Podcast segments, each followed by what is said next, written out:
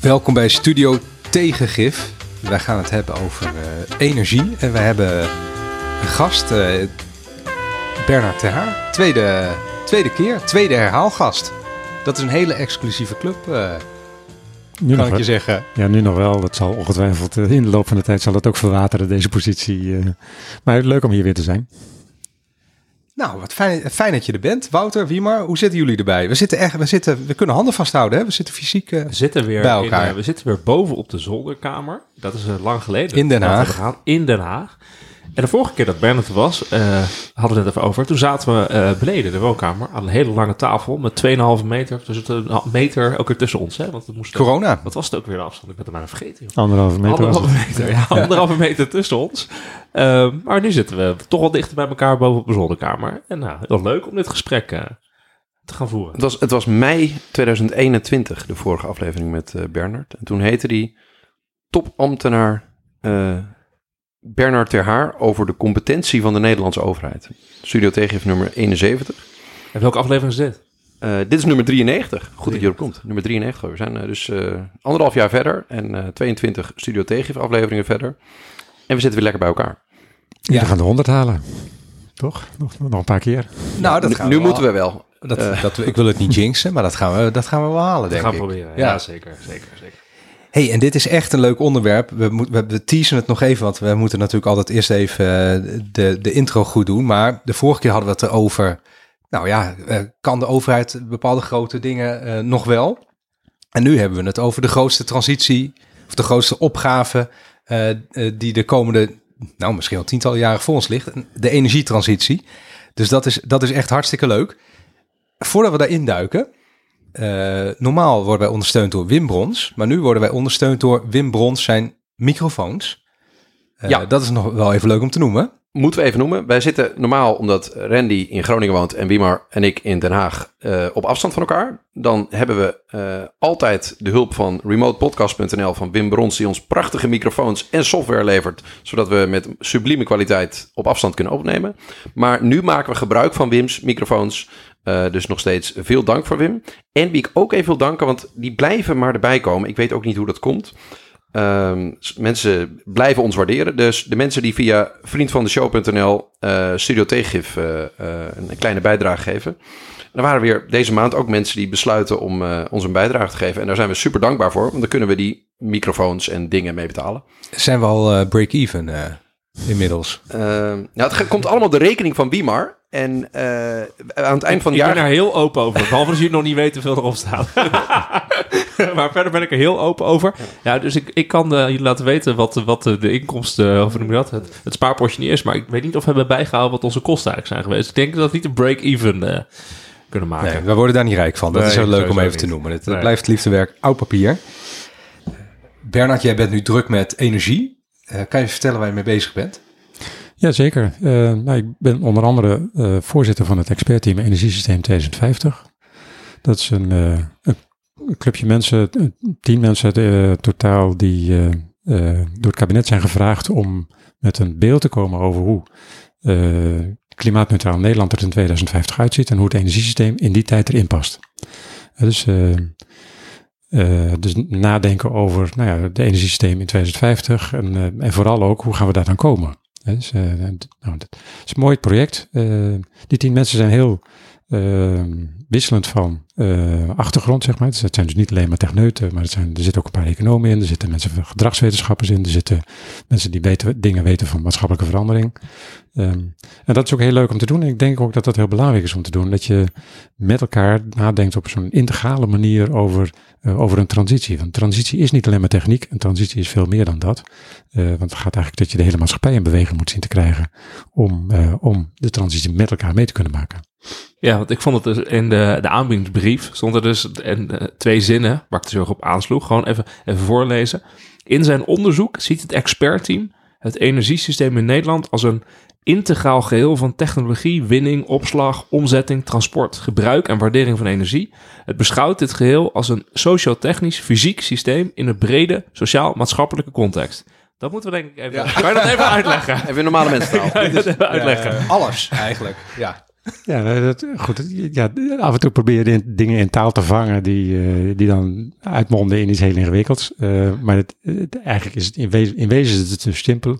Je wil die transitie in de samenleving laten landen. En je wilt uh, maken dat, dat we dat met elkaar beleven. En natuurlijk zit er een stuk techniek in. Hè. Uiteindelijk moet je wel weten hoe je, hoe je met die elektronen die, en, die, en die moleculen die je nodig hebt voor, de, voor die energie. moet je weten wat je, wat je daarmee doet.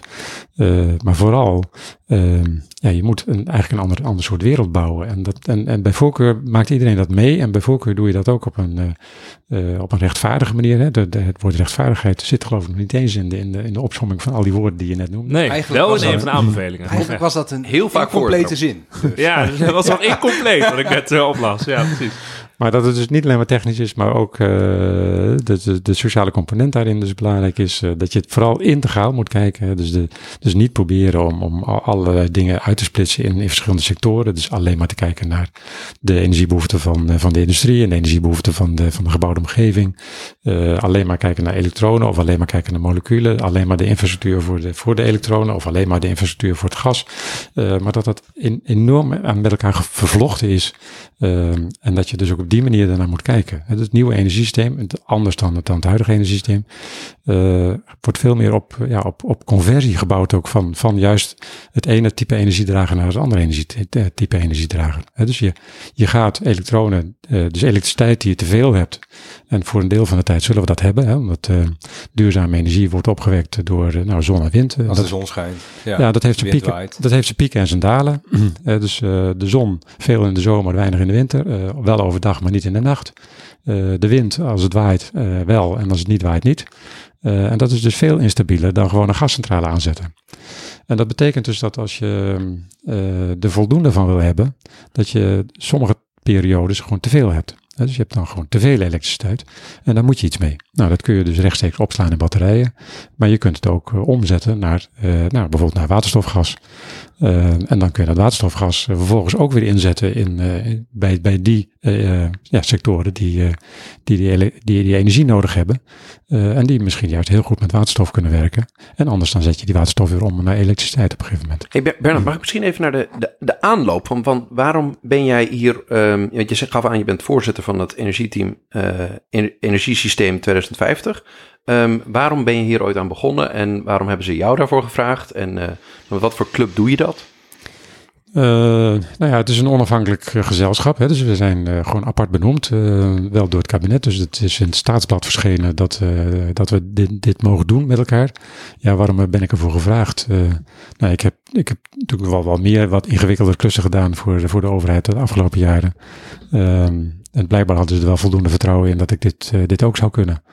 Um, en ik hoef zelf natuurlijk niet maximaal expert te zijn, maar ik moet wel de club kunnen voorzitten. Dus ik moet wel met elkaar ja, dus even kunnen zorgen dat het ook, uh, ook uiteindelijk tot een eindrapport leidt. En dat we het ook op een gezellige manier uh, tot een einde weten te brengen. Dus, en, en dat we ook alle, alle expertises die in die groep zitten, ook tot recht kunnen laten komen.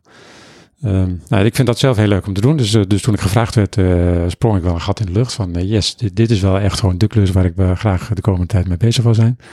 Um, en dat is, het blijkt in de praktijk ook ontzettend leuk om te zijn om te doen. Maar wel heel ingewikkeld. Want al die woorden die, uh, die Wiema net voorlas, ja, die staan wel allemaal ergens voor. En dat moet wel allemaal een plekje krijgen. Hè? Dus uh, uh, in ons rapport ook. Maar uiteindelijk niet alleen in ons rapport, maar vooral ook straks in de werkelijkheid. Ja, dat je... ja, het valt mij ook heel vaak wordt het woord integraal een beetje makkelijk gebruikt in beleidsdingen. want het is makkelijk om te zeggen dat alles met alles samenhangt. Maar als het gaat om energie, dan word ik altijd een beetje bang van dat het wel allemaal met, uh, met elkaar samenhangt. Want iedereen die de krant leest, die ziet uh, dat, uh, dat er geen stikstofruimte is. Mensen weten tegenwoordig wat dat is. Als je dat zegt, dat is al heel vreemd. maar duurzame energie kost veel ruimte, lijkt mij. Uh, want die zonnepanelen moeten ergens staan en die windmolens moeten ergens staan. Je bedoelt fysieke ruimte? Ja, gewoon letterlijk. Ja, ja ik ben... Uh, soms spreek ik ook niet in abstracties. Nee, omdat je het halve stikstofruimte denk je. Ja, nu sorry, fysieke ja. ruimte. Ja, ja, fysieke, ja, die moeten gewoon ergens staan. Maar Nederland uh, is vol en er is tevens ook, dat is goed dat je dat zegt, ook geen stikstofruimte om te bouwen. Dus alles grijpt, ja. alles grijpt samen. Zien jullie met, met jullie club, voelen jullie nog wel een uitweg of zie je uh, een soort uh, donker woud voor je, waarin je, als je niet blijft steken in het ene, blijft steken in het andere. Nee, we zien wel, we zien wel duidelijk uh, wegen om, om er te kunnen komen. Hè. Dus in die zin zijn we wel positief. En we proberen ook straks in ons eindrapport ook een beeld neer te schetsen. Dat het ook niet alleen maar doem en ellende is, die energietransitie. Maar dat we ook op weg gaan naar de toekomst die, nou die schoner is. die ook beter past in, in, op deze planeet. Dus er zitten ook, ook echt positieve dingen in. En bovendien, energie lijkt ook weer steeds goedkoper te worden. Hè. De zon en wind is, is nu al goedkoper dan, dan kolen. Nou, en dan is het toch wel heel veel prettiger in, in de samenleving en ook qua luchtkwaliteit als je dus niet op kolen stoot, maar, maar op zon en wind je energie vandaan houdt. Dus, dat, dus er zitten heel veel positieve dingen in. Um, het is wel zo, kijk, de energietransitie is wel een van de grootste transities die we moeten meemaken de, deze decennia, maar het is niet de enige. Dus we zitten natuurlijk ook nog met uh, met een aantal ja, planetaire grenzen waar we overheen zijn gegaan. Hè. Dus, uh, dus we zitten ook met materialenschaarste, uitputting van de aarde, uitputting, uitputting van de bodem. Um, en, en al die dingen moet je ook, ook een plek geven de komende, de komende decennia. En, en vaak ook in, in, in relatie tot elkaar. Dus wij zeggen ook nu voor die energietransitie, de ingewikkeldheid van die ontwikkelpaden is dat we ja, enorme schaarste hebben, schaarste aan arbeid. Dus we hebben te, eigenlijk op dit moment te weinig handen en hoofden in, in Nederland om uh, aan het werk te kunnen met, uh, met alles wat er gebouwd moet worden in de energietransitie. Um, we hebben te weinig ruimte. Het is gewoon fysieke, ja. fysieke ruimte. We hebben gewoon de, de ruimte niet voor al die, uh, al die windmolens en al die zonneparken in Nederland zelf. gelukkig zijn we wel in het bezit van een groot deel van het, van het plat op de, in de Noordzee. Dus we kunnen heel veel op zee bouwen. Daar zijn we ook op dit moment druk mee bezig. En dat is, en dat is een, een deel van de oplossing ook. Um, maar voor een deel uh, zullen we dus ook uh, de keuze moeten maken van ja, wat, wat willen we eigenlijk aan energie zelf in, in, in Nederland, al dan niet op de Noordzee, produceren en wat gaan we, wat gaan we importeren. Dus, ehm, nou, en daar zitten dan weer allerlei andere vragen aan. Dus, dus geopolitieke vragen van ja, hoe, in hoeverre willen we nog afhankelijk zijn van, van het buitenland als het over onze energiebehoeften gaat. Dus, daar hebben we nu een hele dure les die we aan het leren zijn, dat we te, te afhankelijk waren van het Russische gas. Dus dat wil je. Ja, want waar, waar, worden, waar worden zonnepanelen eigenlijk gemaakt? Ja, nou dat is ook een goede. Die uh, worden inmiddels eigenlijk alleen nog maar in China gemaakt. Ja, dus, dat is ook een beetje raar eigenlijk. Ja. Dus we zijn er ooit wel mee begonnen in Europa. Dat is toen heel snel naar China verschoven. en nog niet weer teruggekomen. Hoewel op zich de, de arbeidskosten in, in, China helemaal niet zoveel lager meer liggen dan, de, dan in Europa. Dus het zou best eigenlijk weer terug kunnen. Maar goed, ze hebben daar natuurlijk wel een wereldmarkt gebouwd. Uh, en daar moet je dus ook weer, uh, weer op terugpakken. Voelt toch een beetje uh, industriebeleid weer. Je hebt vast wel eens een nota tegen het industriebeleid ergens ondertekend. nou, um, nou ja, ja, ik zit natuurlijk in een denktankje denkwerk. We hebben een rapport geschreven het vorig jaar over, dat heette de globaliseren. Uh, en dat ging eigenlijk specifiek over deze vraag. Wat, uh, hoe kijk je nou in de, vanuit de, de, de nieuwe geopolitieke ontwikkelingen, hoe kijk je nou eigenlijk aan tegen die wereldmarkt van de, van de economie? Dus we, we hebben heel lang gedacht dat het steeds, uh, ja, steeds meer globalisering zou worden. dus dus alle, alle ketens zeg maar, worden wereldwijd. En, en je auto die, die zogenaamd in, in, in Duitsland wordt gebouwd, bevat onderdelen die uit de hele wereld komen. Hè? Dus, ja. Um, je zag op een gegeven moment de beweging van, nou ja, dat willen we allemaal niet meer. We willen dat dat dichter in huis. We willen niet meer afhankelijk worden van, van China of van, van andere enge landen. dus dan gaan we het allemaal zelf weer doen. En waar zit nou, waar zit nou de balans? dus nou, dat, dat, dat rapport hebben we daarom een globalisering genoemd. En dan zie je dat sommige dingen zul je toch wel weer dichter bij huis willen doen. en andere dingen, ja, dat blijft toch gewoon heel erg, heel erg mondiaal. Dus, ja, ik vind, vind persoonlijk raar, tenminste als tenzij ik me vergis hoor, is er niet, niet één zonnepanelenfabriek in Nederland. Ja, dat, dat, daar weet ik van dat het niet klopt. Okay. Nee, dat is niet waar. Er is ergens eentje. En ja, redelijk zeker, wat start-ups die bezig zijn met ja. de meest efficiënte uh, zonnepanelen uh, ontwerpen. En daar zit in Nederland echt wel een, uh, oh, ja. een groeisector op. Maar het gaat vooral om massaproductie die niet in Nederland plaatsvindt. Ja, en afhankelijkheid van grondstoffen. Dus volgens mij is een, er zijn drie keer worden er zeg maar productiemiddelen genoemd waar er een schaarste bestaat. Dus inderdaad arbeid, grond en natuurlijk grondstoffen. Al, nou, alles dus, eigenlijk, ja.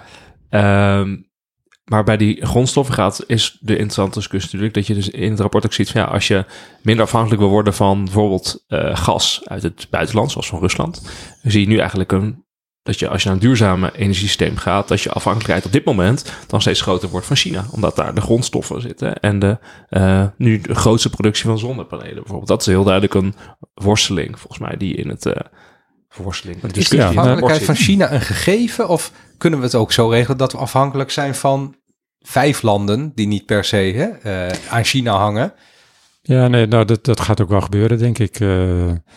Maar e- even nog dit, dit oppakken. Hè. Kijk, eh, Nederland, eh, de Nederlandse economie is heel goed in, eh, in, het, eh, in het ontwikkelen van dingen. Hè. Dus, eh, dus de, de nieuwe generatie zonnepanelen eh, is Nederland heel goed in, in daarover nadenken en eh, dingen te ontwerpen. Ehm, als het dan op massaproductie uitkomt, dan, eh, dan zijn we daar minder goed in. Dan gaat het toch, dan gaat het toch relatief eh, snel naar het buitenland. Ehm, maar ehm, Ja, misschien mag ik... Ik- ook- maar eh, Maar zijn we, zijn we duurzaam afhankelijk van China? Nee, dat is denk ik niet zo. Kijk, eh, ook, ook die zeldzame metalen, eh, die worden voor een flink deel nu inderdaad eigenlijk alleen in China geworven, gedolven, zeg maar. Eh, omdat dat relatief goedkoop is. En, maar dat is ook de reden dat het daar gebeurt. Is niet omdat het alleen daar in de, in de aarde zit. Oh ja. Het zit ook ergens, wel- ergens anders wel in de aarde. Dus ergens in Amerika. Of, eh, eh, ik, ik las laatst dat eh, Frankrijk weer een lithiummijn wil gaan openen. Ja, zeker. Ehm, En de, de, de Europese Commissie heeft ook een kaart gebracht waar in Europa je dit soort metalen, waar we die in Europa te delven zijn. Eh, Ja. En ja, van, moeten we daar niet met elkaar naar kijken als je als Europa strategisch autonoom wil worden eh, en niet meer bij de duurzame energievoorziening afhankelijk wil Maar dan moet er een flinke knop China. om bij heel veel knop om. mensen. Want je zal Ja. maar een grote open lithiummijn eh, in je achtertuin krijgen. Daar worden heel veel mensen niet blij van, denk ik. Nee, en, en, en dat is wel een mooi punt. Eh, Dat betekent juist dat de, de- deze transitie eh, dat, dat, ja, met, met elkaar moeten doen. Dat we dus duidelijk moeten maken waarom je bepaalde dingen belangrijk vindt. En, eh, Ja. en dan ook zorgen dat je de, de belangen die daarmee geschaad worden, dat je die ook op, op een andere manier weer, eh, weer recht weet te doen. Hè, Ja, dus, eh, Dit is precies het punt dat jij eerder zei. Het is dus niet alleen een, een technische discussie. Het is ook een economische, sociale, maatschappelijke eh, discussie. En ja, dat, Ja, dat speelt is- natuurlijk wel mee. Kan je niet zelfs beweren dat het technische deel eh, relatief het meest bekend is? En als we het Sovjet-Rusland van Stalin waren, dan, dan had hij het wel geweten. Dan wa- waren ze wat gaan tekenen en dit dorp weg en hier een grote mijn. En daar eh 100.000 hectare zonnepanelen, dan zijn we klaar. Ja, dat, dat, gaat, dat lukt niet in Europa. Nee, maar dat is wel precies het, dat is wel precies het, eh, het punt. Eh, Kijk, als je een aantal ingenieurs vraagt eh, van maak even het energiesysteem 2050, dan zeggen ze nou dat knutselen we zo Easy. in elkaar. Ja, eh, en, die, en, dan, en dan, ik ken ook wel ingenieurs die dan een beetje raar staan te kijken van ja, maar en waarom gebeurt het dan niet? Ja. Dus- en eh, ja, dus, maar, dus, en het gaat dus juist om, om, ja, om, om die vragen. Waarom gebeurt het niet vanzelf? Eh, dus hoe, hoe werken die maatschappelijke krachten? Hoe werken die, de gevestigde belangen? hè, Dus, die vaak toch behoorlijk invloedrijk zijn in, in, in, in, in beleidsvorming. Ehm, ja, en dat moet je dus wel allemaal rekening mee houden. Mag ik daar wat over vragen? Want dat, dat was eigenlijk toen ik dit, eh, jullie, eh, jullie eh, tussentijds rapportage las, vond ik het eigenlijk interessant om, om af te vragen van hoe doe je dat? 28 jaar vooruitkijken. Hoe, hoe, hoe gaan jullie dan te werk? Wat voor, want het, is, het zijn zoveel verschillende invalshoeken die je nu al benoemt. Hoe kun je een beetje beschrijven van hoe dat in zijn werk gaat? Omdat ik denk dat het heel interessant is om te snappen hoe je zo'n complexe opgave aanpakt met een groep. Ja, nou ja, eh, er veel over te praten, maar we hebben vooral geprobeerd, eh, nou, eigenlijk de standaardmethode voor hoe je naar de toekomst kijkt. eh, gewoon je, je denkt na over scenario's. En vanuit die scenario's probeer je een beeld te schetsen van, van de breedte van het speelveld. wat je, waar je aan, moet denken als je het over 2050 gaat. Dus we hebben een aantal scenario's op, op, dus, geïnventariseerd, gekeken wat, wat daar voor aannames in zaten, ook wat voor resultaten het opleverde. Ehm, en dat leverde wel op zich een bijzonder resultaat op. Dat je zag dat heel veel van die scenario's eigenlijk uitgaan van het Nederland van nu. Eh, dat, dat, en dat Nederland blijft zo, alleen we gaan het verduurzamen. Eh, eh, en dan, nou ja, dus de Nederlandse industrie, die nogal energie-intensief is, hè, dankzij het feit dat we altijd aardgas hadden, goedkoop. En, en, en vanwege dat aardgas ook echt uh, industrietakken hebben aangetrokken in Nederland. Van kom vooral bij ons, want wij hebben lekker goedkope energie. Uh, en, we liggen trouwens ook heel mooi in Europa. Zo in die, in die delta. Dus, uh, dus we zijn eigenlijk de ideale locatie voor jouw bedrijf. Um, ja, als dat goedkope aardgas er niet meer is, dan is het maar de vraag of dat nog steeds een, logische plek is om, uh, om, om te zijn in Nederland. Um, maar goed, we zagen dus vanuit die scenario's dat, uh, dat die vraag eigenlijk werd vermeden. Gewoon gezegd van oké, dit is de Nederlandse industrie van nu. En die, die is dus in 2050 nog net zo. Alleen die is dan duurzaam geworden. En daarvan zeiden wij dus, uh, toen we dat een beetje bereid hadden, nou ja, dat is wel het minst waarschijnlijke scenario. Dus, want de, de, economie is altijd enorm in beweging. En, het, en, de, en de kans dat over 30 jaar de Nederlandse industrie er nog net zo uitziet als nu, is echt natuurlijk nul. Dat gaat ook vanzelf lijkt me. Voor een deel zal het vanzelf gaan. Kijk, uh, er zitten nu uh, zes raffinaderijen in het uh, Rotterdamse haven, geloof ik. Vijf of zes. ja, dat blijft natuurlijk niet. Dus, want als, als fossiele energie er zo, goed als uitgaat, zal er niet helemaal uitgaan, omdat het natuurlijk toch wel heel handig is voor, voor het maken van kunststoffen.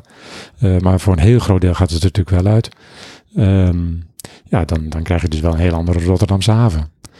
Maar dus jullie ook aan, die zeggen van eigenlijk de grootste onzekerheid in die scenario's, als we vanuit gaan dat zeg maar dezelfde economische structuur houdt, is dat uh, is dus dat het uh, de gebruik van de fossiele grondstoffen in de chemie, dat dat als duurzaam kan worden. En de andere dat de productie van bunkerbrandstoffen voor de schepen en luchtvaart, dat dat ook duurzaam worden. Dat, dat, vind ik, dat is natuurlijk heel interessant om over na Want er zijn twee natuurlijk sectoren die heel veel energie verbruiken en heel veel uitstoot hebben. En zeggen juist die twee sectoren, daar is het ja, het meest onzeker. Moet je even zeggen wat bunkerbrandstoffen zijn voor uh, mensen die dat niet weten? Dat zijn vooral de brandstoffen die in de, gro in de grote zee zeescheepvaart gebruikt worden. Uh, dat is een hele zware stookolie. Hè. Dat is eigenlijk uh, in, in, een, uh, in, een, in een kraker, een oliekraker, zeg maar, heb je verschillende niveaus. de bovenste niveau is de, de, schoonste vorm van energie, is benzine en zo. En onderin zitten de, echte, steeds, de, steeds dikker, dikker, steeds dikker en, en smeriger. En het meest smerige deel is dus de, gaat naar de schepen. Vandaar ook dat ze de grootste zwaveluitstoters zijn van de wereld. Um, en Rotterdam is daar een soort van in gespecialiseerd. Dus, uh, dus, dus, heel veel zeescheepvaart uh, bunkert in, in Rotterdam. Um, nou, dat is ook logisch gecombineerd natuurlijk aan, aan, de, aan het feit dat er een grote haven ligt. Um, en dat, nou ja, dat, en dat gaat natuurlijk enorm veranderen. Want kijk, ook die, ook die zeescheepvaart die moet duurzaam worden. Dus die, die, dus die mogen niet meer op fossiele brandstoffen varen. Um, en dat wordt dus een duurzame vorm van energie. Maar die duurzame vorm van energie, die is overal ter wereld wel beschikbaar. Het is overal schijnt de zon, tenminste bijna overal. Uh, overal waait de wind. Uh, en dus de kans dat, dat een, een, een, een, een schip per se naar Rotterdam gaat om, om olie te tanken, wordt natuurlijk kleiner en kleiner. En daarmee verandert ook die positie van de Rotterdamse haven op dit punt. Terwijl dit dus een belangrijk onderdeel is van, van, hun, van hun productie. en dus ook heel veel energie gebruikt op dit moment. Ja, want ja. Maar dit is dus heel interessant om even over na te denken met elkaar, dat dit, dat dit zo speelt. En de andere die jullie uh, noemen, is ik zeg van ja, dat eigenlijk over de exportpositie van de Nederlandse industrie op lange termijn, dus na 2040, dat er eigenlijk heel weinig bekend over is. Dus er, is, er zijn eigenlijk weinig scenario's over, ja, wat, wat is dan eigenlijk de, de, de, de dynamiek hè, en de rol van de Nederlandse industrie? Hoe gaat dat veranderen? Uh, ja. Dat is eigenlijk ook wat jij aangeeft. we gaan nu echt vanuit dat het een beetje rechtdoor gaat. Hè? Zo van, ja. uh, maar, maar eigenlijk is het enige wat je echt heel duidelijk kan, of het enige, iets wat je heel duidelijk kan beredeneren, is dat, dat die structuur heel sterk gaat veranderen van energie-intensief. Nou, misschien juist uh, de, de tegenhanger daarvan. Want als dichtbevolkt, dichtbevolkte stad staat, zou je kunnen zeggen, heb je, heb je relatief, ben je in de slechtste positie om heel veel duurzame energie op te wekken. Uh, vergeleken met lege landen zoals uh, Rusland of Canada. Ja, er zijn andere landen die ja, of uh, een groot deel van, van Amerika heeft natuurlijk heel veel uh, leegstaand gebied, uh, zeg maar, waar best veel zon is. Heel flyover country. Ja, dus daar, kun je, dus daar zou je heel goedkoop energie kunnen produceren. Dat gaat ook ongetwijfeld ook gebeuren. Hè. Dus voor een deel wordt de energietransitie ook echt geholpen door de marktkrachten die gewoon kijken naar wat is het goedkoopst. Hè. Dus, dus daar, daar vertrouw ik ook wel voor een flink deel op. maar dat, dat, dat levert wel verschuiving op, ja. En dat zou in Nederland dus een, een, verdere versterking. Kijk, we zijn natuurlijk van een, van een agrarische economie naar een, naar een industriële economie, naar een diensteconomie gegaan. Eigenlijk al grotendeels. Dus uh, we zitten natuurlijk nog een soort, van mengvorm. Maar de kans dat het meer diensten worden, is natuurlijk eigenlijk best vrij groot. En dan zit je dus bijvoorbeeld, uh, nou even, even Tata, hè, dus, een belangrijke energiegebruiker in Nederland. 7% van de energie wordt... IJzergieterij. ja, dus staal, staalproducent. Um, Ook overigens een, een, flinke belaster van het, van het milieu in Noord-Holland. Dus, uh, um, Ja, hoe zal dat zich nou gaan ontwikkelen? India is eh, eigenaar, dus, eh, dus je je bent afhankelijk van eh, wat die eigenaar uiteindelijk met het bedrijf wil. Eh, je wilt het in ieder geval niet eh, op fo- fossiele brandstoffen laten draaien. Dus je, je praat in ieder geval nu, nee, dat, gebeurt nu ook al met verduurzaming. Ehm, je rekent erop vanuit de geopolitieke verhoudingen wel dat, eh, dat Europa eh, wel belangrijk vindt dat er staal in Nederland wordt, of in Europa blijft worden geproduceerd. Eh, en wat is dan de meest eh, slimme locatie in Europa voor zo'n voor zo'n staalbedrijf? Eh, ja, en, en, en, dat bepaalt dus van zal Tata in, eh, in eh, IJmuiden blijven zitten? Of, eh, of gaat er toch, wordt er, is er eigenlijk een andere locatie aantrekkelijker? Nou, dat zijn, dat zijn al die vragen waar je mee bezighoudt. Maar er zijn ook hele andere vragen. Dus eh, je probeert ook af en toe een beetje het ondenkbare te denken. Ehm, ook, ook over 2050. Kijk, ehm, eh, ik had laatst een gesprek met, eh, met, eh, met mensen uit Rotterdam. Ik zei, nou ja, we hebben nou de afgelopen decennium hebben we nu twee keer meegemaakt dat de Rijn eigenlijk te laag stond. Het waterniveau in de Rijn te laag stond om nog te kunnen varen. Of tenminste met, met wat Ja, grotere Het schepen. moest een tiende van de vracht kon er nog in of zo. Ja. Dat was ook niet best. Dat heeft iets met klimaatverandering te maken. Nou, die klimaatverandering gaat, onge- die gaat door. Hè. Dus, het, eh, dus het, eh, wat, afgelopen zomer was natuurlijk ook het beeld van... eh, ja, dus, dit was wel een hele hete zomer... maar het was misschien wel een van de koelste van de, afgelopen, van de komende decennia. Dus die klimaatverandering gaat door met nou, bijvoorbeeld nog, nog meer bosbranden in Europa... maar waarschijnlijk ook nog met grotere periodes van droogte. Stel nou dat het in 2040 eh, die Rijn gewoon grote delen van... of nee, ieder jaar een deel van het jaar niet bevaarbaar is. Wat betekent dat eigenlijk voor de positie van die Rotterdamse haven? Nou, ook dat soort dingen. Dat, eh, niet super lijkt me dat. Hoe, hoe, Nee, dat hoe- is niet goed. Hoe, hoe voer je zo? Want ik vind het, een van de meest meest interessante dingen is dus het gesprek blijven voeren met belangenorganisaties in dit energiesysteem, waarbij je toch de onafhankelijkheid houdt om 28 jaar vooruit te kunnen kijken, maar wel goed luistert naar wat exact nou die belangen zijn en waar de veranderbereidheid zit en waar de innovatiekracht zit. Zo'n voorbeeld, zo'n gesprek met mensen uit de Rotterdamse haven. Hoe, hoe, hoe, ga je dat aan en wat, wat, wat, wat voor feedback krijg je dan? Nou ja, voor ons, kijk, voor ons is de belangrijkste boodschap, denk hierover na. Dus, eh, dus eh, bouw die scenario's uit, hè, zodat je ook, ook dit soort dingen wel meeweegt eh, in, in de, uiteindelijk de besluiten die je, die je neemt. Eh, en het is natuurlijk ook een hele duidelijke indicatie van dat je niet één ontwikkelpad kunt maken, maar dat je wel kunt zeggen van, nou ja, dus sommige dingen moeten we in ieder geval doen, dan laten we daarmee beginnen. Eh, en laten we ook de flexibiliteit in het systeem inbouwen, dat we ook nog wat kunnen bij, eh, bijspijken, bijsturen, gaandeweg de rit. Dus laten we ook niet proberen nu gewoon het hele traject voor de komende 28 jaar vast te leggen. Overigens, die 28 jaar is voor het energiesysteem zelf korter. Hè, dus eh, dat is ook een van onze belangrijke boodschappen. Klimaatneutraal Nederland in 2050 betekent een klimaatneutraal energiesysteem in 2040. Ja. want je hebt ook nog andere onderdelen in, eh, in Nederland. Dus ik kijk maar alleen maar naar de, de veeteelt. Die ook nog mee moet gaan doen in het klimaatneutrale. En dat wordt ook nog best ingewikkeld. hè, Omdat al die koeien die stoten methaan en, en lachgas uit. En dat zijn hele zware broeikasgassen. Eh, en ik denk niet dat het heel, helemaal zo zal zijn dat we in 2050 helemaal geen koeien meer hebben. Dus dan moeten we ook nog compensatie vinden voor, eh, voor die, die broeikasgassenuitstoot. Eh, en daar kan het energiesysteem misschien ook een bijdrage aan leveren. Door, eh, door energie positief, te- of nou, door, door de CO2 ja, positief, te worden in de zin, ja. doordat ze, dat de CO2 wordt geabsorbeerd. Hè, dus, eh, of opgeslagen. Nou, dus sterker, nog, die doen twee aanbevelingen. Namelijk in 2035 moet er al een elektriciteits, eh, CO2-neutraal elektriciteitssysteem zijn. In 2040 moet dan het energiesysteem Ja. eh, CO2-neutraal zijn. Dus dat, dat is gewoon eigenlijk een... Je trekt het naar voren toe. ja, Eh, eh, en dat, omdat je ook zegt, het moet voor de andere sectoren die niet CO2-neutraal zijn, moet het gaan compenseren eigenlijk. De kans is heel groot. Eh, Ja. Maar dat betekent dat je vervolgens zegt, ja, dan moeten we dus nu echt al wel beginnen. We hebben veel minder tijd dan wat, wat we misschien denken als je het hebt over een... Terwijl, hè? Je Ja, we zit er erg, 2000 rustig, jij zit gaan er in erg rustig 2050. bij. eh, Ja, zit er Ja. heel rustig bij. Maar Eigenlijk, eigenlijk heb je tien jaar. ja, we hebben het helemaal niet over 2050, we hebben het over 2035, 2040. Ja, nee, eens. Ja, nee, dus, ja, dus, dus, dus hè, we zijn ook, ja, goed, we zijn gewoon tien jaar laat, te laat begonnen. En we lopen in Nederland natuurlijk ook een beetje achter op dit moment eh, met, eh, met duurzame energie.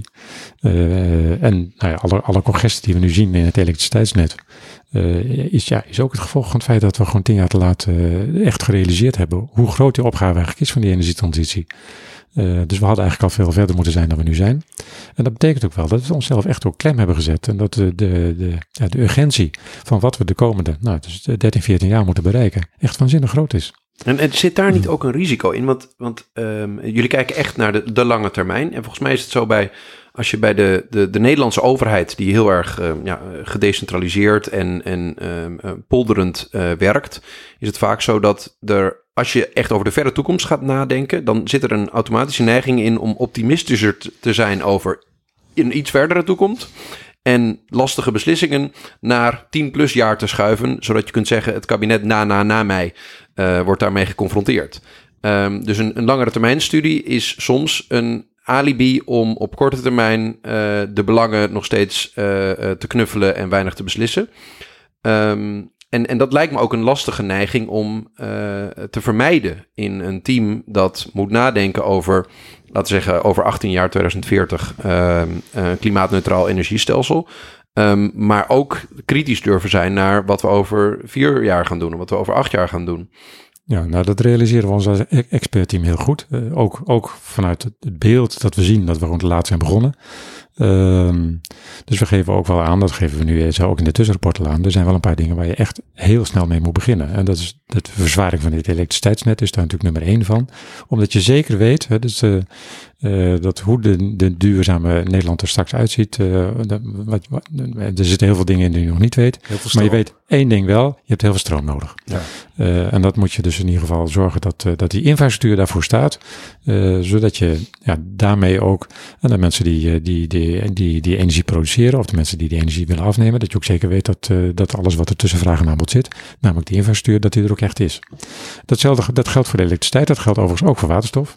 De waterstof uh, is een belangrijk, uh, ja, denk, denk zelf wel in de eh, voor, de, voor een groot deel voor de opslag ook van de elektriciteit. Dus, uh, omdat de elektriciteit zichzelf voor een langere periode moeilijk laat opslaan. Dus je kunt het in een batterij stoppen en dat is, dat is mooi voor, voor een, voor, voor, om, de, om de nacht te kunnen overbruggen of zo. Of iets langere periode te kunnen overbruggen, maar 48 uur of zo. Maar je, je kunt niet voldoende batterijen bouwen. Trouwens, dan kom, dan kom je ook enorm knel, knel met de grondstoffen uh, voor wat langere termijn. Dus daar heb je andere dingen voor nodig. Waterstof zou daar een belangrijke rol in kunnen spelen. Of iets met veel uh, waterstofatomen erin. Dus uh, er wordt ook aan stikstof, aan ammoniak gedacht om, uh, als, als, als middel om energiedrager te, te kunnen fungeren. Nou ja, maar goed, dus dat soort dingen. Ehm, maar in ieder geval, daar ook, ook dat begint met waterstof. Uh, en daar zijn we dus nu ook aan het nadenken over. De, over nou, dus er zijn de mensen die waterstof willen produceren, zijn de mensen die waterstof willen gebruiken. En is er eigenlijk dan wel een infrastructuur tussen. Nou, ook daar denk ik belangrijk is uh, dat je zegt van nou, die infrastructuur gaan we sowieso zo snel mogelijk doen. Uh, en, en, en we proberen ook tijdschema's te ontwikkelen. Uh, zowel aan de vraagkant als aan de aanbodkant, als aan die infrastructuurkant, dat mensen ook een beetje op elkaar kunnen rekenen. En dat je weet dat uh, in 2025 ligt die belangrijkste delen van de infrastructuur liggen er. Uh, dus als u het wil produceren, dan kunt u het dan kwijt. en als u het wil afnemen, nou dan de, de mensen die nu willen gaan produceren, die weten dat die infrastructuur in 2025 ligt. Dus vanaf dat moment kunt u het waarschijnlijk ook afnemen. Het is belangrijk om dat soort, om transparant te zijn op het hele tijdschema van die transitie. Omdat uh, mensen ja, ergens, ergens op moeten kunnen investeren, ergens op moeten kunnen mhm. bouwen.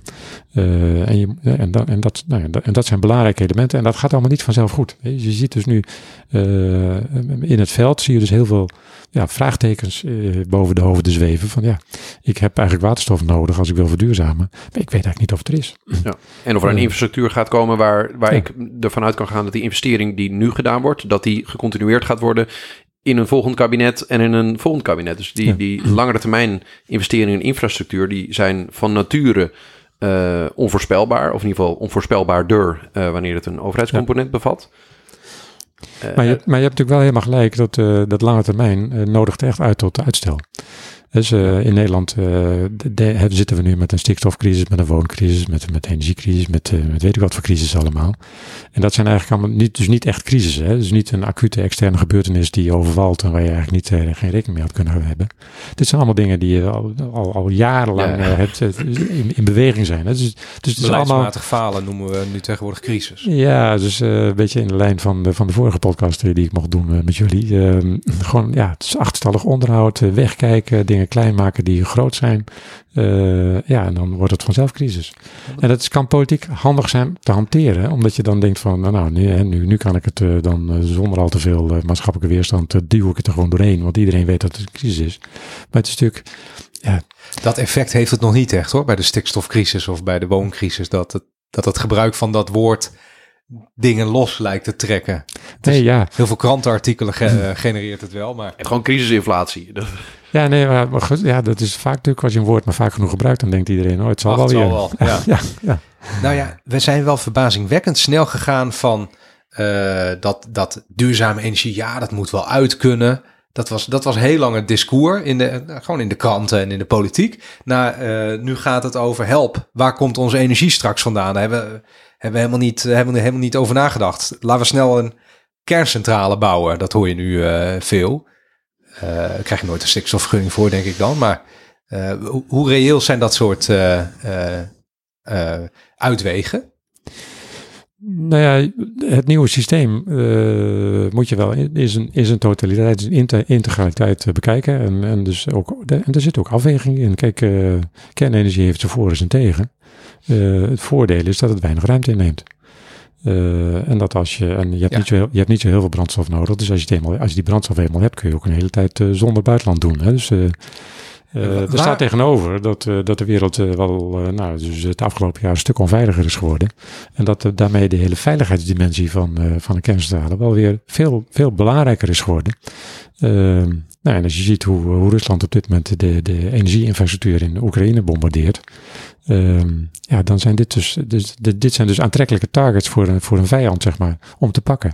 En ook daar moet je rekening mee houden nu in, het, eh, in, in, in, de komende decennia. Waarom liggen al die Franse kerncentrales stil? Want heel lang is geweest, of heel lang, tot, tot heel recent. We Werd, doen even een uitstap. Ja. werd, ge- werd gewezen naar. Nee, maar ik bedoel, we hebben het toch over het energiesysteem. Dus dan, dan Ja. denk ik, waar komt de energie vandaan? Nou, zon, wind, dat snap ik. Dat moet je dan ergens neerleggen. Eh, kernenergie, dat kennen we ook. Eh, maar tot, echt, nou ja, tot twee weken geleden was het in alle kranten en alle columns en weet ik veel wat. Ja, Frankrijk, die hebben dat slim gedaan, want die hebben kerncentrales. Sinds een week staan de kranten vol met, ja, maar de helft van de Franse kernreactoren ligt stil. Eh, heel groot probleem. Misschien eh, valt de stroom wel uit deze winter. Ja. Dus Nou ja, blijkbaar is dat toch ingewikkelder dan, dan wij dachten tot vorige week als collectief. Ja, nou, ja, eh, ja, eh, nou ja, dus sommige krantlezers hadden al wel eerder gehoord dat het niet goed ging met de kerncentrales in Frankrijk. Dus het, het speelt al een tijdje. Het speelt ook eh, in de zomer al. Eh, er zijn eigenlijk twee elementen. Die, die kerncentrales in Frankrijk zijn van een bepaalde generatie. Op een gegeven moment zijn die een beetje aan het einde van hun levensduur. En vragen dan dus groot onderhoud. Nou, dus dat, dat is voor een deel. Dus, dus er zitten nogal wat dingen in onderhoud. En eh, ja, dan, en dan kom je toch mankementen tegen die maken dat je in ieder geval vindt dat dat eerst moet worden opgelost voordat je die kerncentrale weer op kunt starten. Het tweede element is eh, koelen.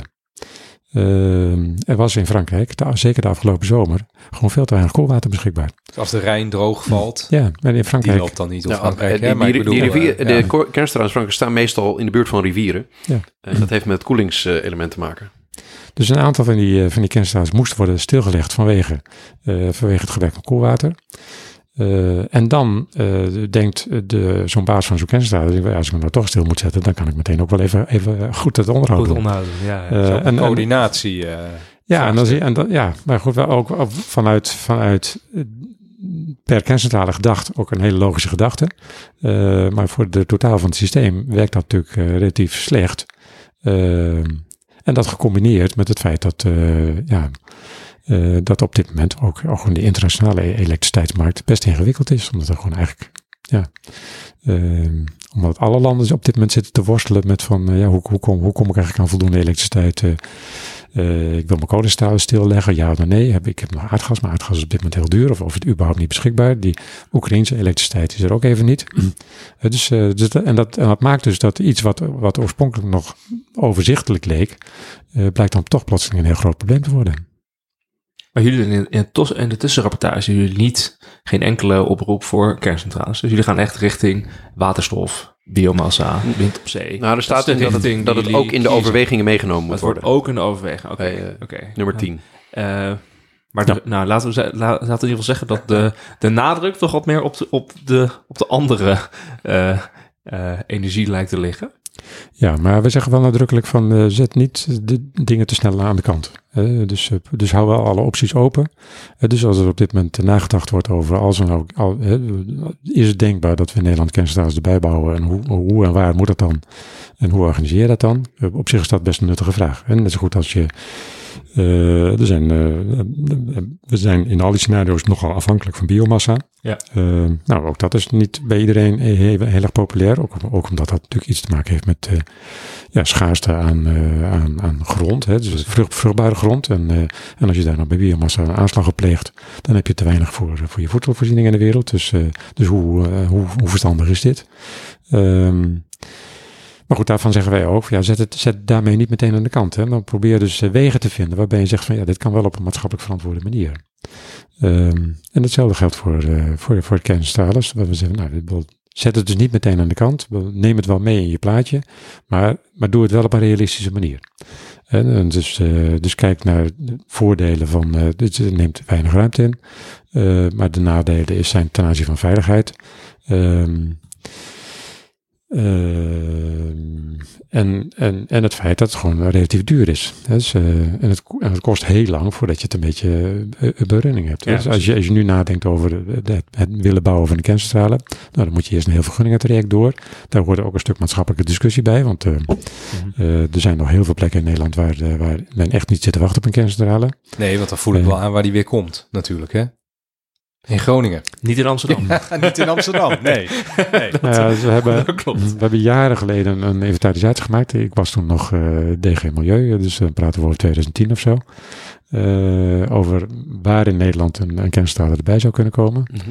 Eh, er was toen maar één plek eigenlijk eh, die, eh, die daarvoor eh, in aanmerking kwam. En dat was Borselen. Zet daar gewoon één bij. Gewoon eentje ernaast. Ja. Maar, maar wat was de reden daarvoor, weet je dat nog? De rest van Nederland wilde niet. Ja, één. Ja, oké, willen niet. Ja, nee, ja.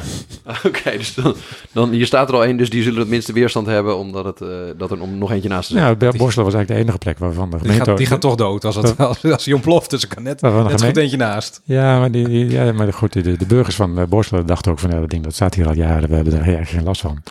Zet er Eh, maar eentje bij. Ja, dat, dat kan, blijven, dat kan blijkbaar. Hè. Dus eh, of dat nou helemaal, ja, dus de, de- of dat nou de goede risicoanalyse is of niet, eh, dat laat ik maar even midden. Maar goed, dat was wel in ieder geval de uitkomst.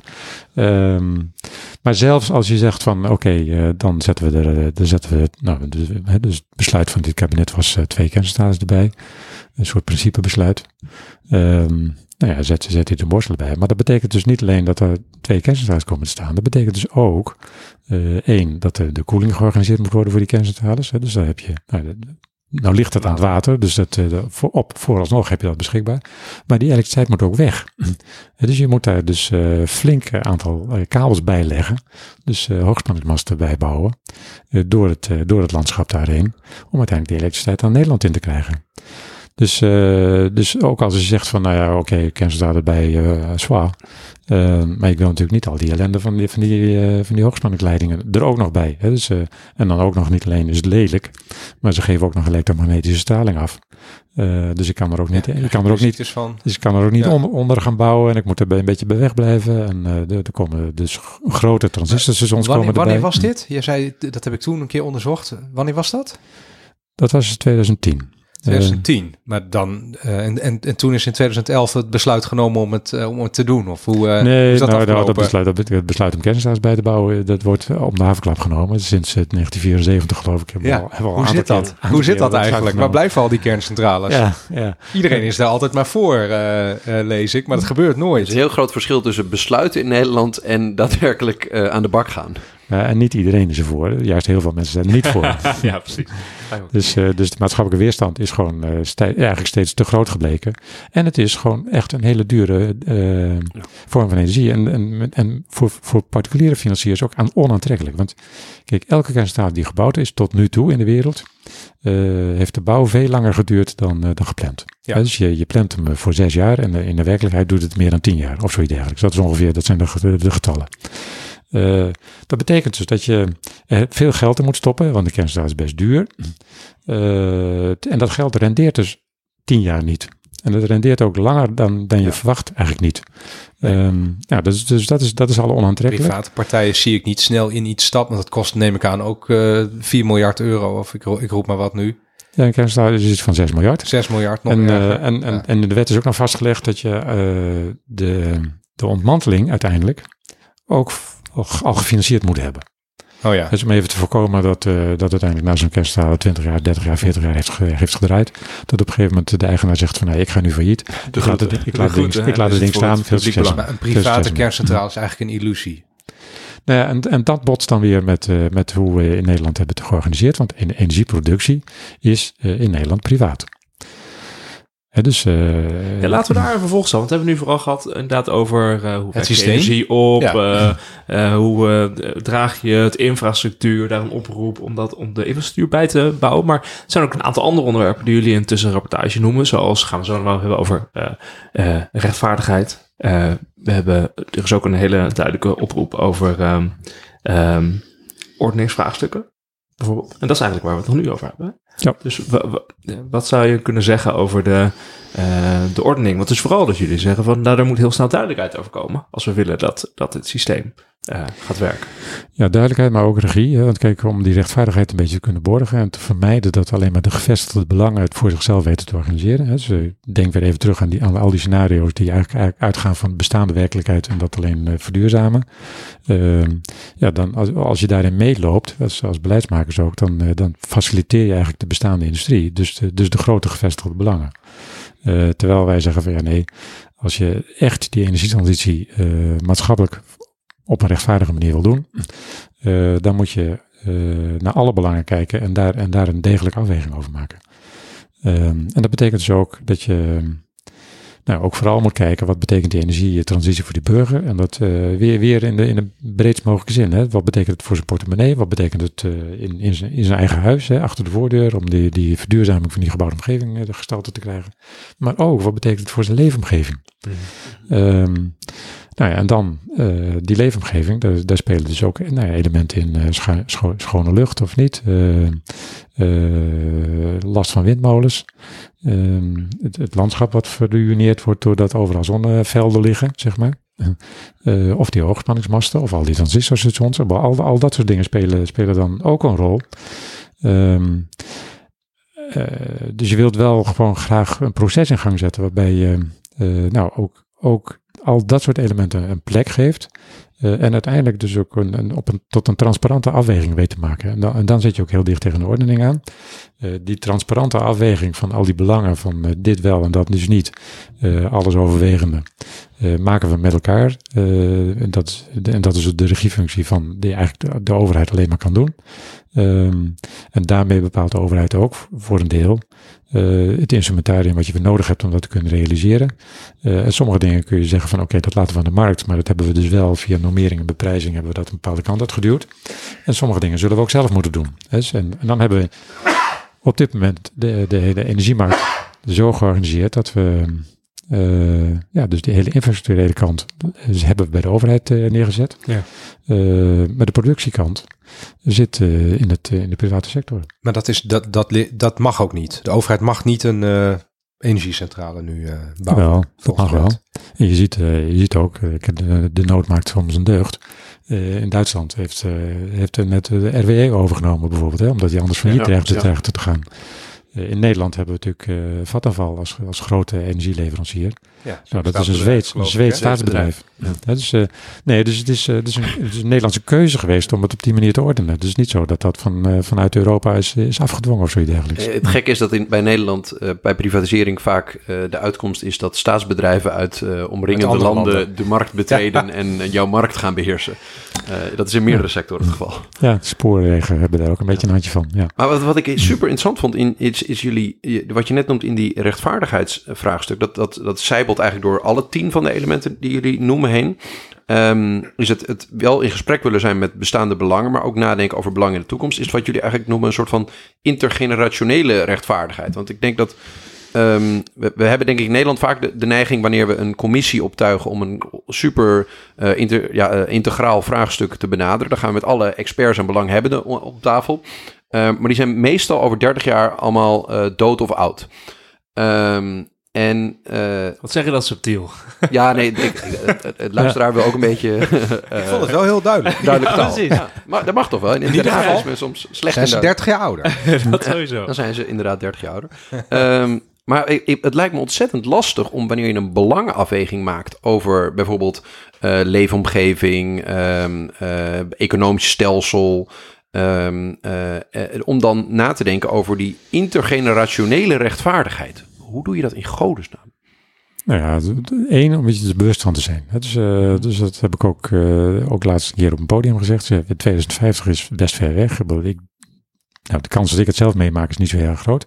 Eh, maar er is natuurlijk wel een hele generatie jongeren, of mijn, mijn kinderen ook, die maken dat natuurlijk allemaal wel mee.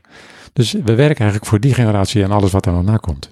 Nou, ja, en, en, en dat je realiseren ehm, is denk ik al stap nummer één. Hè. Dus, de, de- als je, ja, als je, ja, je ziet het pas als je, het- als je door hebt, zeg maar. ehm, ehm, maar dan vervolgens, hoe, hoe richten we dat dan nu in, in- hoe richten we dat inderdaad in? Nou ja, dus dat- wij zeggen in het rapport, eh, eh, probeer ze een zwaardere stem te geven. Dus eh, probeer het zo te organiseren. Eh, dus in, in alle belangenafwegingen en, en, en, en, en, en de en maatschappelijke debatten die je, die je organiseert, probeer die jongeren ook echt te zorgen dat ze erbij zitten, op zijn minst. Eh, maar ook dat, eh, dat hun stem gehoord wordt. En dat zij dus zelf ook echt eh, aan het werk gezet worden. Zeggen van, nou, oké, als, het, als het over jullie toekomst gaat, denk zelf even mee. Ehm, en laat ook horen wat je, wat je belangrijk vindt en wat niet. En, en laten we dat ook proberen een plek te geven. En dat is ook ingewikkeld. Hè, want ook, eh, ja, ook eh, mensen van, van, van, van ja, 20 of 30 vinden het ook best ingewikkeld om na te denken over hoe de wereld in 2050 eruit Ja, ziet. ja. Dat blijft best Eh, ingewikkeld, ja. Maar dan hebben ze het in ieder geval wel zelf. eh, zijn ze zelf bij betrokken en zijn ze er zelf mee bezig. Nou, we hebben op dit moment in, in, in Nederland een, eh, de jonge klimaatbeweging. Ja, die zijn er dus ook heel actief mee bezig. Eh, komen zelf ook met, eh, met, eh, met ideeën over hoe Nederland er in 2040 eh, uit komt te zien. Wat, wat zeggen die op hoofdlijnen dan? Nou, die, ehm, die zeggen ook dat de, de wereld de- niet alleen, dat je niet alleen naar energie moet kijken, maar dat je ook naar andere delen van moet kijken. En dat 2040 ook idealiter echt wel een, een rechtvaardiger wereld is, zeg maar, dan, dan, dan, eh, dan de huidige wereld. En dat er dus ook andere elementen in mee worden gewogen dan, eh, dus een socialer, eh, meer, mensen meer inclusiever, internationaal ook rechtvaardiger. Dat soort elementen ook een zwaardere plek krijgt. Oh ja. En internationale rechtvaardigheid is natuurlijk ook een belangrijk ding. Dus, ehm, ehm, ja, er zijn ook rapporten die zeggen van, nou, als we nou de, de, de, de twee graden klimaat eh, stijgt, of de, de temperatuurstijging willen beperken tot 2 graden, dan weten we ongeveer hoeveel broeikasgassen nog mag, mag worden uitgestoten om, om eh, te vermijden dat we er overheen gaan. Nou, dat is een bepaalde hoeveelheid, zeg maar. Eh, die hoeveelheid broeikasgassen kunnen we verdelen over de wereld. Dan krijgt iedereen wat. Ja. En, dan, en dan weet je dus, in, dus in, in, in Nederland mogen we nog zoveel kiloton broeikasgassen produceren de komende decennia. En dan daarnaast op. Hè. En dat, als je dat voor alle landen doet, dan heb je een, een, een helder systeem. Ehm, Maar er zitten natuurlijk allerlei verdelingsvraagstukken achter. Van kun je, weet ik veel, iemand, een, een boer in Burkina Faso eh, vergelijken met een, eh, een, eh, een jup uit Amsterdam? Dat, dat is vrij lastig qua leefpatroon, consumptiepersoon, bestedingsmogelijkheden. Ja. Ehm, en, en wat ik super interessant vond, is wat jullie, een, voorbeeld dat jullie noemden. Ehm, misschien is het, is het gewoon vrij. is, is dat in, in Finland, dat ze daar wettelijk hebben vastgelegd ehm, dat er na 2045 meer negatieve emissies nodig zijn voor het compenseren van de eigen, stoot, eh, eigen uitstoot vanwege een rechtvaardige mondiale verdeling. Dus wat ik interessant vond is dat Finland het schijnbaar. Dan gaat er, even gaat, er gaat hier een of andere hippe bel. eh, die ding. Ja, er worden ook gewoon dingen bezorgd. Eh, dat, is, dat, dat is ook een, eh, een uitstootfactor trouwens. Ehm, terug even naar mijn eh, apropos. Ehm, dat het, het, Dit knippen we eruit. dat ze in Finland dus schijnbaar een mondiale rechtvaardige verdeling politiek al op de agenda hebben weten te krijgen en wettelijk vastgelegd hebben met een meerderheid van het parlement daar. Terwijl ik in, in Nederland me wel eens afvraag in welke mate die er, er, er überhaupt draagvlak is voor dat ware de- deze ehm, langere termijn uitdaging. Eh, om, het, om die echt aan te pakken. En ten tweede het, eh, het, het vraagstuk van de ehm, internationale solidariteit van de wijze waarop we dit aanpakken. Dus in welke mate gaat die ehm randstedelijke jup het lot van die boer in Burkina Faso zich aantrekken? Eh, ja, nou, in, in Finland zijn ze er dus iets verder mee dan wij, zeg maar. Ja, ja, je, ziet in Nederland natuurlijk wel ook een beweging naar, ja, die, die toch wel steeds meer eh, accepteert ook dat, dat er heel veel moet gebeuren en dat we naar een klimaatneutrale wereld toe moeten. Ehm, je moet er dus ook de mogelijkheden voor hebben. Eh, maar het is op zich logisch als je ook eh, kijkt naar, de, naar ja, de, de, de, de, de verdeling van de ontwikkelingen en zo.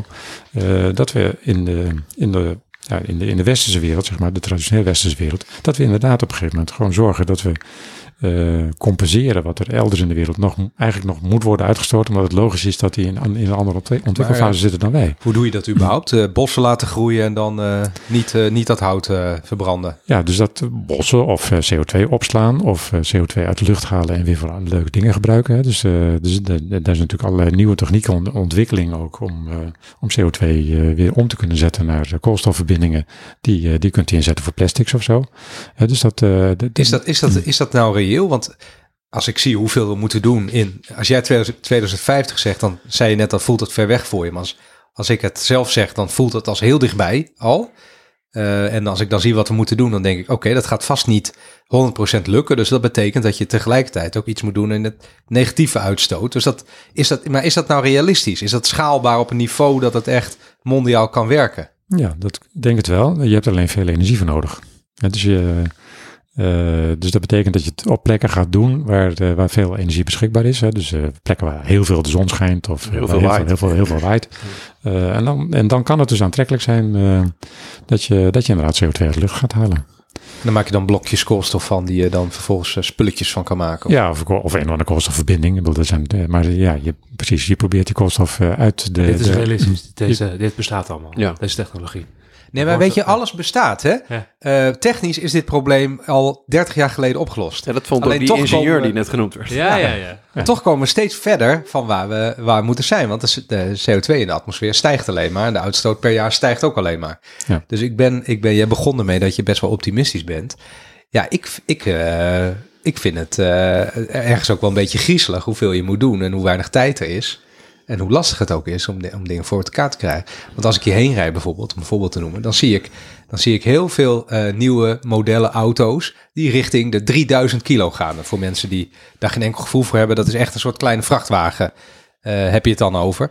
Ehm, en de CO2-uitstoot per, eh, per auto neemt ook toe. ondanks dat auto's steeds efficiënter worden, omdat die, omdat die modellen gewoon steeds zwaarder worden. Eh, en dan lees ik ook in de krant, ja, er komt compensatie voor glastuinbouwers die, eh, hè, die, die gas verbranden om eh, bloemetjes te kweken in de winter. Dan denk ik, ja, dat- gaat eerder de verkeerde kant op dan de goede kant op. En de technische mogelijkheden, die zijn er al lang. Maar dit is ook een van de oproepen. Een hele belangrijke oproep in de tussenrapportage is juist energiebesparing, besparing, besparing. Daar moet je volledig op inzetten. Ook omdat je dus ziet inderdaad dat al die dat je gewoon meer energieverlies gaat krijgen bij de nieuwe eh opwekkingsvormen. Die, eh, Ja. die, dus dat betekent dat, dat, dat je eigenlijk meer input Om hetzelfde nodig te hebt. doen heb je meer, meer energie input nodig. nodig, om eh, dezelfde energie op te wekken. Dus, ja, dus het energieverbruik verminderen is, is sowieso natuurlijk een no regret optie die je moet doen in, Ja. een, in een duurzaam energiesysteem. Ja, hoe, makkelijk, hoe minder je energie je nodig hebt, hoe makkelijker de transitie is. Hè? Dus dat is, Ja. eh, dat is eh, vrij simpel. Eh, maar voor de, ja, wat jij nou noemt, dat die auto's steeds groter en steeds zwaarder worden. Ja, dat, en daar hebben we nou typisch de overheid voor. Hè? Om daar regie Ja. op te zetten en gewoon te zeggen van... eh, het, zijn met, het, zijn met, belasten. het zijn met normeren, het zijn met beprijzen. eh, duwen we dat gewoon een bepaalde kant uit. Want dat valt aan zo erg op dat, dat eh, in de meer eh, voorheen, in meer economische stukken, zie je heel vaak van je moet vooral eh, beprijzen, beprijzen, de externe eh, negatieve effecten. Maar jullie, eh, ik merk dat er steeds meer nadruk komt op normeren. Ja. Ehm, Kun ook je, kun het verschil even een klein beetje uitleggen voor Nou, je kan, bijvoorbeeld, je kan bijvoorbeeld zeggen, eh, de, de prijs van eh, fossiele energie, daar hef je gewoon een hele hoge belasting op, zodat het duurder wordt. Dus dat betekent dat er een prikkel komt om ofwel minder fossiele energie te gebruiken, ofwel over te schakelen naar duurzame energie. Hè? En dat is natuurlijk een, een economische redenering die heel krachtig is en ook heel goed werkt. En de vraag is even hoeveel politiek draagvlak er is. Maar oké, hè, dit werd in het verleden vaak gezegd als eh, de, de, de optie om te, te doen. Maar ik, ik merk gewoon om me heen dat er steeds vaker wordt gezegd, ja, de overheid moet maar gaan normeren. Dus inderdaad van gewoon een bepaald productieproces of eh, consu- eh, consumptiegoederen. Ze moeten gewoon ehm, minder energie-intensief zijn of Ja. minder uitstoot zijn. Of ze moeten langer, staat ook in jullie tussenrapportage, producten moeten langer meegaan. Dus de, Ja. de levensduur moet gewoon eh, langer worden gezet, zodat je minder snel moet vervangen, waardoor je ook minder energie eh, verbruikt. En dat, dat, je merkt dat dat normeren... Maar dat ik dat zou je zeggen waarom Bijvoorbeeld- ook niet nog werkt. Nog één nog één Oh keer. yes, nou Ik ben vooruit. nog bezig. nog één keer is dat, ik, je ziet het natuurlijk ook nu op Europese schaal. Dus nu dat, er, dat Europa zegt van, ehm, op een bepaald moment mogen alleen nog maar elektrische auto's verkocht worden. Ik weet even niet meer wat de precieze datum is. Volgens mij 35 of 30, heel snel al. Ja. Niet- Maar dan wordt gewoon gezegd, er mogen alleen nog maar elektrische auto's geproduceerd worden. Dat Ja, is er gewoon normeren. Hard hè? normeren. Gewoon hard normeren en dan ver in de toekomst, zodat ook alle producenten en consumenten daar naartoe kunnen gaan werken. En overheden met het met, want er is ook infrastructuur daarvoor nodig. Hè? Dus, eh, en dat is iets wat je steeds meer, eh, meer ziet in dit debat eh, om naar eh, energie-neutraliteit te gaan. Ja. Ja. Of Wat ik dus graag wilde zeggen. Ja. Ehm, de, en volgens mij een reden dat beprijzen niet werkt is... Nou, dat, wat, wat er dan gebeurt, er gaan eerst slimme economen gaan dan berekenen... op welke manier je dat zou moeten beprijzen. Wil dat dan hè, efficiënt uitpakken. En dan vervolgens wordt het helemaal stuk belobbyd. Dus dan gaan al die getallen, die worden net wat omlaag geschroefd. En uiteindelijk rijden die tanks van 3000 kilo, die rijden gewoon over de weg. Want dat wordt nu ook al beprijsd, hè? In de wegenbelasting. Ja, maar met normeren Dat is dat natuurlijk ook. Dus er wordt het eerste voorstel van een Europese commissie natuurlijk van eh, elektrische auto's moeten in 2030 en een lobbytraject wordt 2035. hè? Dus in dat- die zin. Kijk, dat is natuurlijk pas dat dat dat dat die eh, dat ver- nee, dat is geen verbod, maar een gebod. Ja, en tegelijkertijd ook een verbod. Dat is natuurlijk eerst even overlegd met de Duitse auto-industrie van kunnen jullie die dingen maken? Want anders ruïneren we onze eh, eigen auto-industrie. Dus Ja. zo, zo Maar- gaat maar- het natuurlijk ook. Ja. Maar eh, ik vind de auto wel een mooi voorbeeld waarbij beide type instrumenten zijn ingezet. Hè. Dus, eh, we hebben in Nederland natuurlijk ook eh, de, nou, de fiscale lasten voor een elektrische auto enorm naar beneden ge- ge- gezet op een gegeven moment. Om dus via die kant van de beprijzing mensen uit te nodigen om een elektrische auto te nemen. Maar zeker Europees heeft natuurlijk steeds strakkere normen gezet in, in schoner, het schoner maken van die auto's en ook de vrachtauto's. Eh, door gewoon een heldere norm te zeggen. Van over vijf jaar moet, moet de motor zo schoon zijn dat, eh, Ja. dat je aan die norm voldoet. En dat, nou, daar hebben we het onze hele dieselschandaal aan te danken. Eh, omdat men daar ook weer mee wist te sjoemelen. Dus het, het is ook niet, je moet het ook nog wel handhaven. Eh, maar je kunt via normering kun je dus wel dwingen, dingen echt ook afdwingen. Dat je ook zeker weet dat het ook echt gerealiseerd wordt. En, en dat is het voordeel van beprijzen. Bij beprijzen weet je nooit helemaal zeker of die prikkel ook echt gaat werken. Eh, en economen denken altijd dat prikkels altijd werken. Eh, en ja, maatschappelijk werkt dat toch soms wel eens anders. Ehm, Ja. Vooral als het gaat over, volgens mij, kijk, als je iets normeert en zeggen gewoon het product of de dienst moet er over tien jaar zo uitzien, gaan natuurlijk ook de verschillende eh, producenten in de keten, of die gaan natuurlijk daar naartoe werken, want die moeten wel, anders zijn ze gewoon op termijn de omzet kwijt. De consumenten, ja, moeten ook wel, want dat, dus je ziet gewoon dat een heel, het hele eh, systeem, of dat is natuurlijk ook het hele innovatieve ecosysteem, gaat ze dan daarop richten. Want dat moet er eh, komen. Dus in die zin is het, coördineert het veel makkelijker al die verschillende partijen, een normering, dan een prijsprikkel. Ja, nou ja, maar heel veel kan ook al. Hè? Maar de vraag is, ga je, ga je een nieuwe fabriek bouwen voor dieselauto's... of ga je een nieuwe fabriek bouwen voor elektrische auto's? Ja. Dat is toch een andere fabriek? Mag ik, er is een, een thema wat ik nog heel graag eventjes wilde eh, raken. En dat raakt eigenlijk aan eh, waar we het in de vorige podcast met jou over eh, gehad hadden, Bernard. Ehm, dat gaat over de, ja, de- eigenlijk is het hard te noemen, ehm, de, eh, de zevende conclusie die jullie stellen, is dat er een, wel een strakke regie vanuit de overheid nodig is. Dat keuzes die in de publieke sector gemaakt worden, ertoe doen. En dat er echt eh, duidelijke afwegingen gemaakt moeten worden en dat er helderheid nodig is.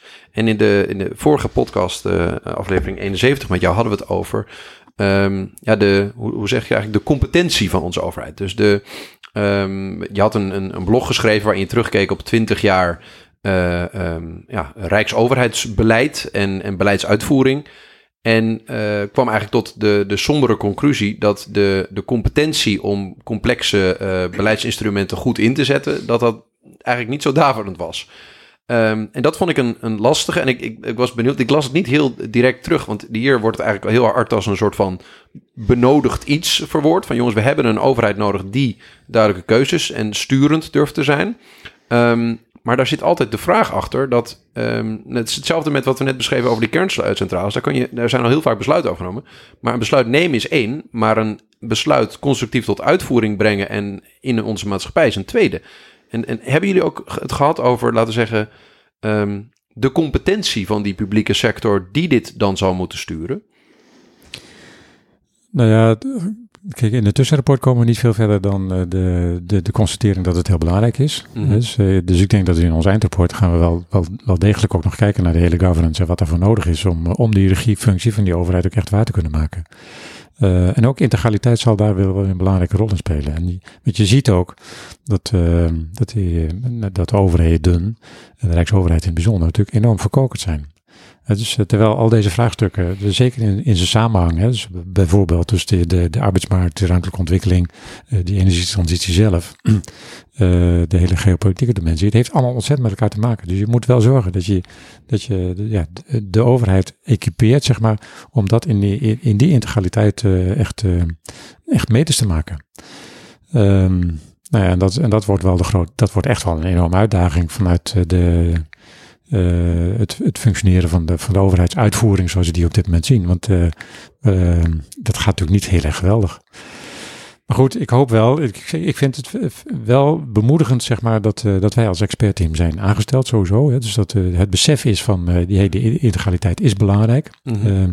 En laat, laat, laat die, deze ploeg mensen nou eens even nadenken over, over wat voor soort elementen er spelen dan allemaal een belangrijke rol. Maar het expertteam is natuurlijk geen uitvoerder. Dus wij, Ja. eh, wij, wij, houden- wij blijven natuurlijk toch op een zekere abstractie zitten van, eh, ja, dit is belangrijk om, te- om zo te doen, dit is belangrijk om zo zus te doen.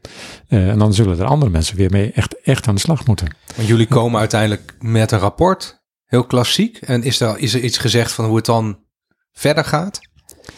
Nou ja, dan is het aan het kabinet om daar vervolgens handen en voeten aan te geven. Dus, eh, maar we proberen ook al, daar zijn we nu eigenlijk al mee bezig, door het organiseren van ronde tafels. Eh, we, we- we doen ook een soort experiment met, met burger, burgerparticipatie. We proberen ook wel tegelijk met, met, met het schrijven van het rapport ook al, al mee te doen in de beweging, de maatschappelijke beweging die nodig is uiteindelijk om, eh, om stappen vooruit te kunnen zetten. Het is Dus, belangrijk dat niet alleen de overheid kan dit doen, inderdaad. Hè? Want Nee, het ja. moet veel breder, moet deze beweging zijn.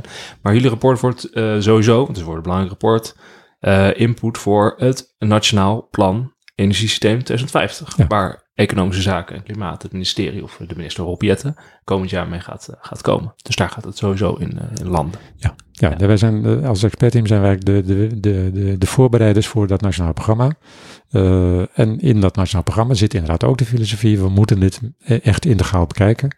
Ehm, en, da- en daarom is het ook een nationaal programma. En dan zit dus ook groot. En er zitten daar allerlei verschillende onder- onderdelen en elementen in, die, eh, die allemaal een plek moeten krijgen. En in hun samenhang. Want kijk, eh, wel een heel simpel voorbeeld, eh, hoe belangrijk die samenhang ook is. Je kunt wel verordeneren dat, dat iedereen een elektrische auto moet gaan rijden. Maar als je de, de, het elektriciteitsnetwerk niet hebt om dat te kunnen faciliteren. Ja, houdt het wel op. ja, dan houdt het wel heel snel op. Dus Ja. dan, en, en als je dat dus niet goed hebt georganiseerd, dan creëer je dus heel veel weerstand. En dan, dan voor je het weet, heb je echt zo'n zo'n zo'n sfeertje in, in de samenleving. Ja, nou, hoera, ze zijn weer iets begonnen. Wat, wat een onzin allemaal weer. Dus, eh, en dan zet je jezelf dus enorm op achterstand. Dus, dus die integraliteit is ook heel belangrijk. En dus ook ja, de, de, spoorboekjes eh, maken en, en dus zorgen dat, dat de, ja, de, de verschillende ritten echt goed op elkaar aansluiten, is echt ontzettend belangrijk om ook dat draagvlak te, houden en te, en te bewaken, ook gedurende de rit.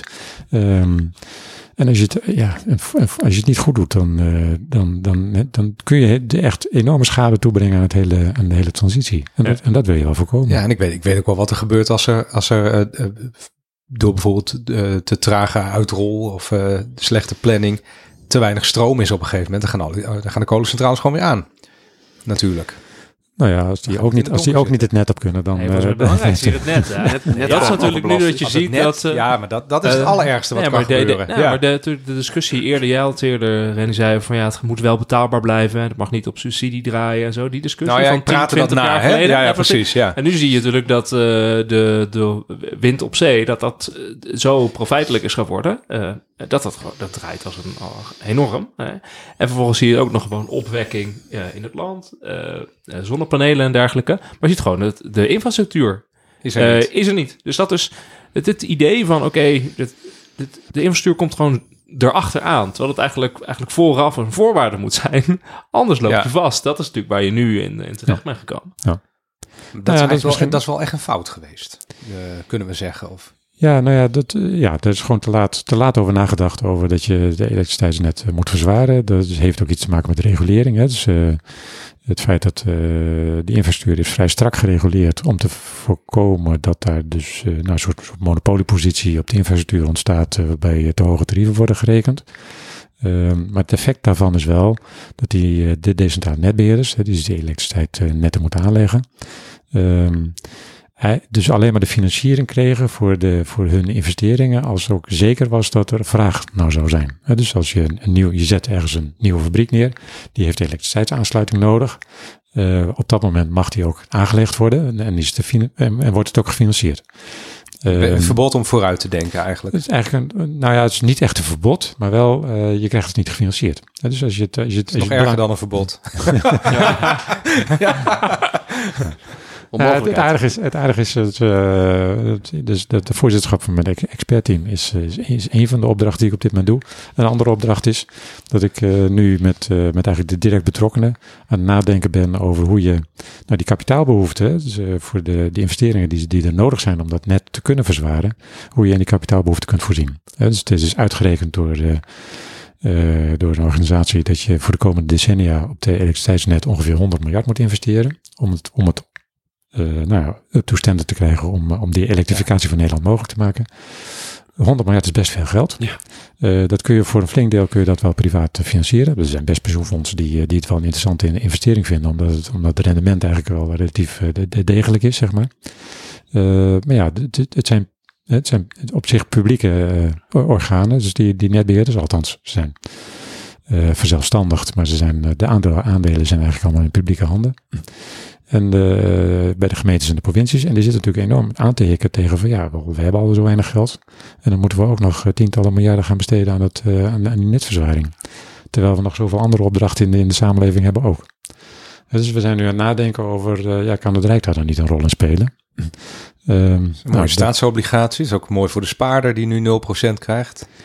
Eh, Ik denk dat je dat... eh ja, nou ja, Een dus- soort oorlogsobligaties. Dat heb je Ja, zo bij moet- elkaar. Het moet eigen vermogen zijn, dus het mogen geen obligaties zijn. Het moet ook echt een, een vorm van aandelen worden. Ehm, maar goed, Oh. dus, eh, dat heeft er inmiddels toe geleid dat eh, in de begroting voor 2023 is er al een half miljard beschikbaar gesteld om, om hier iets, iets mee te kunnen doen. Dus het Rijk kan nu gaan participeren in, eh, in die netbeheerders. Eh, althans, nou, nog niet helemaal, maar de- wel, nou ja, daar, is, daar, is de, daar zijn we dus druk mee bezig om dat, om dat te realiseren. Ehm, en dat is weer een belangrijke stap vooruit. Ja. Eh, want als we dat hebben geborgd, dan kunnen, dan, eh, dan kunnen die netbeheerders ook denken van, eh, oh yes, ik heb, nu, ik heb nu in ieder geval zekerheid over de investeringsmogelijkheden voor de komende decennia. En dan kan ik ook echt als een gek gaan bouwen.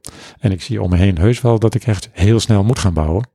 Ehm, en overigens heb ik daar die overheid ook weer heel hard voor nodig, want ik moet al die vergunningen eh, regelen om, eh, om die, eh, die, die, die leiding aan te kunnen leggen, om die transistorstations te kunnen bouwen eh, en, en al dat soort dingen.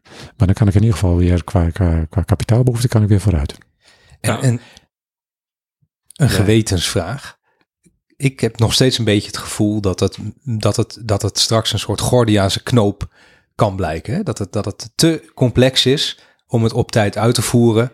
En dat er dan iemand eh, met een, eh, zoals dat eh, met Gordiaanse knoop gaat, met een zwaard zegt: ik hak hem, ik hak hem zo door midden, want hier komen we, puzzelend komen we hier nooit meer uit.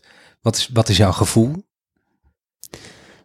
Nou, dat, ik denk, dat denk ik niet. Ik denk echt wel dat we ehm, ehm, ja, toch gewoon stapgewijs gewoon wel, eh, wel vooruit kunnen. Maar dat betekent dus wel, en dat is ook een van onze aanbevelingen, dat betekent wel dat je met een, ook met een hoop dingen nog moet beginnen. Dus eh, de hele opslagkant van energie bijvoorbeeld, daar zijn we nu net mee begonnen.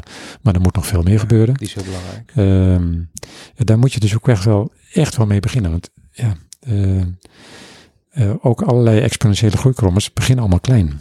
Dus, eh, en als je, als je klein begint, dan, zet, dan kun je het ook nog breed neerzetten. Dan, kan, dan kunnen er ook nog dingen mislukken. Eh, maar dan heb je de goede dingen er in ieder geval ook tussen zitten. Ehm, nou, dus dat, dat besef moet heel erg komen. En dat, daar kan de overheid een, een stukje bij, eh, bij helpen. En, en, en sommige dingen echt voor eigen rekening nemen. Maar je zult ook heel erg gewoon toch ook weer dat bedrijfsleven moeten, eh, moeten stimuleren, moeten prikkelen, moeten uitnodigen om, om ook die stappen te zetten. En, eh, en ook te zorgen dat we, dat we daar ook er- ervaringen in opdoen. eh, en dat we dingen eh, nou het ook echt gaan opzetten, zodat, zodat we het over een aantal jaren kunnen opschalen, zodat we op tijd de schaal hebben gerealiseerd die nodig is. Ehm, ja, en op de, ik, nou ja, ik, ik ben dus nog wel optimistisch dat we, zij het dat we dus te laat, te laat begonnen zijn en dat we dus echt wel een achterstand weg te werken hebben. Eh, dat, we, dat we toch een heel eind kunnen komen. En je ziet op dit moment wel dat Nederland sommige elementen het- been ook een beetje aan bijtrekken is. Hè. Dus eh, nog net voor de coronacrisis 2019. Als je kijkt naar de investeringen in, in Europa op het gebied van duurzame energie, eh, stond Nederland op nummer 1. Dus in, in miljarden euro's investeerden wij in, in dat jaar het meeste in duurzame energie van alle Europese landen. Ehm, dus dan zie je ook wel, en dat is dus grotendeels toch ook weer privaat. Eh, dus je ziet ook wel dat het, het, het gevoel van, eh, ja, we moeten nu echt wel heel snel in beweging komen, want anders prijzen we onszelf ook echt uit, uit de markt. Ehm, ja, is, is wel, wordt wel steeds groter.